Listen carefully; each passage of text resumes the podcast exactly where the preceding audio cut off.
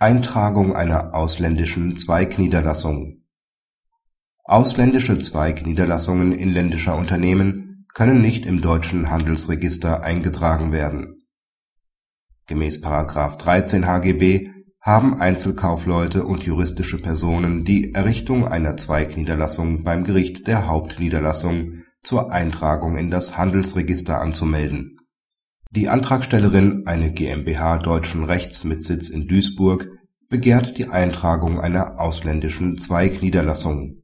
Das Registergericht lehnt die Eintragung ab, die dagegen eingelegten Rechtsmittel bleiben erfolglos. Das OLG Düsseldorf stellt hierzu zunächst fest dass § 13 Absatz 1 Satz 1 HGB nicht dahingehend ausgelegt werden kann, dass die Eintragung einer ausländischen und im ausländischen Register eingetragenen Zweigniederlassung im Handelsregister des inländischen Unternehmens verpflichtend ist. Ferner handelt es sich bei der Eintragung einer ausländischen Zweigniederlassung auch nicht um eine jedenfalls eintragungsfähige Tatsache. Dies sind solche Tatsachen denen im Einzelfall eine derartige Bedeutung zukommt, dass die Gefahr der Überfrachtung des Handelsregisters zurückzutreten hat. Ansonsten sind nur Tatsachen eintragungsfähig, deren Eintragung gesetzlich zugelassen ist. Den Zweck des Handelsregisters, die eingetragenen Rechtsverhältnisse zutreffend wiederzugeben und die Sicherheit des Rechtsverkehrs zu gewährleisten, ist hier, aus Sicht des deutschen Rechts, hinreichend Rechnung getragen, wenn sowohl Hauptniederlassung bzw. Gesellschaft als auch Zweigniederlassungen im Handelsregister eines Gerichts desjenigen Landes eingetragen werden, in dem sie gelegen sind.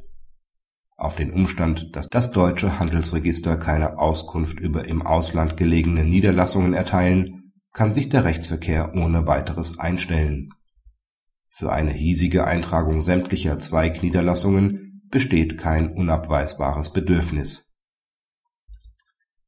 Kritik Aufgrund der Neuregelung von § 5 Aktiengesetz und § 4a GmbH-Gesetz ist es deutschen Kapitalgesellschaften erlaubt, ihren effektiven Verwaltungssitz vom Satzungssitz zu trennen. Damit kann der Verwaltungssitz auch in das Ausland verlegt werden.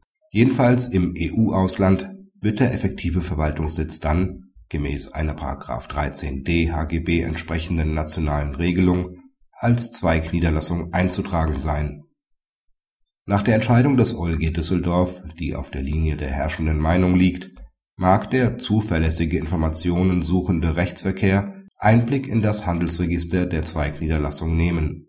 Nur wie findet man die Niederlassung und damit das zuständige Register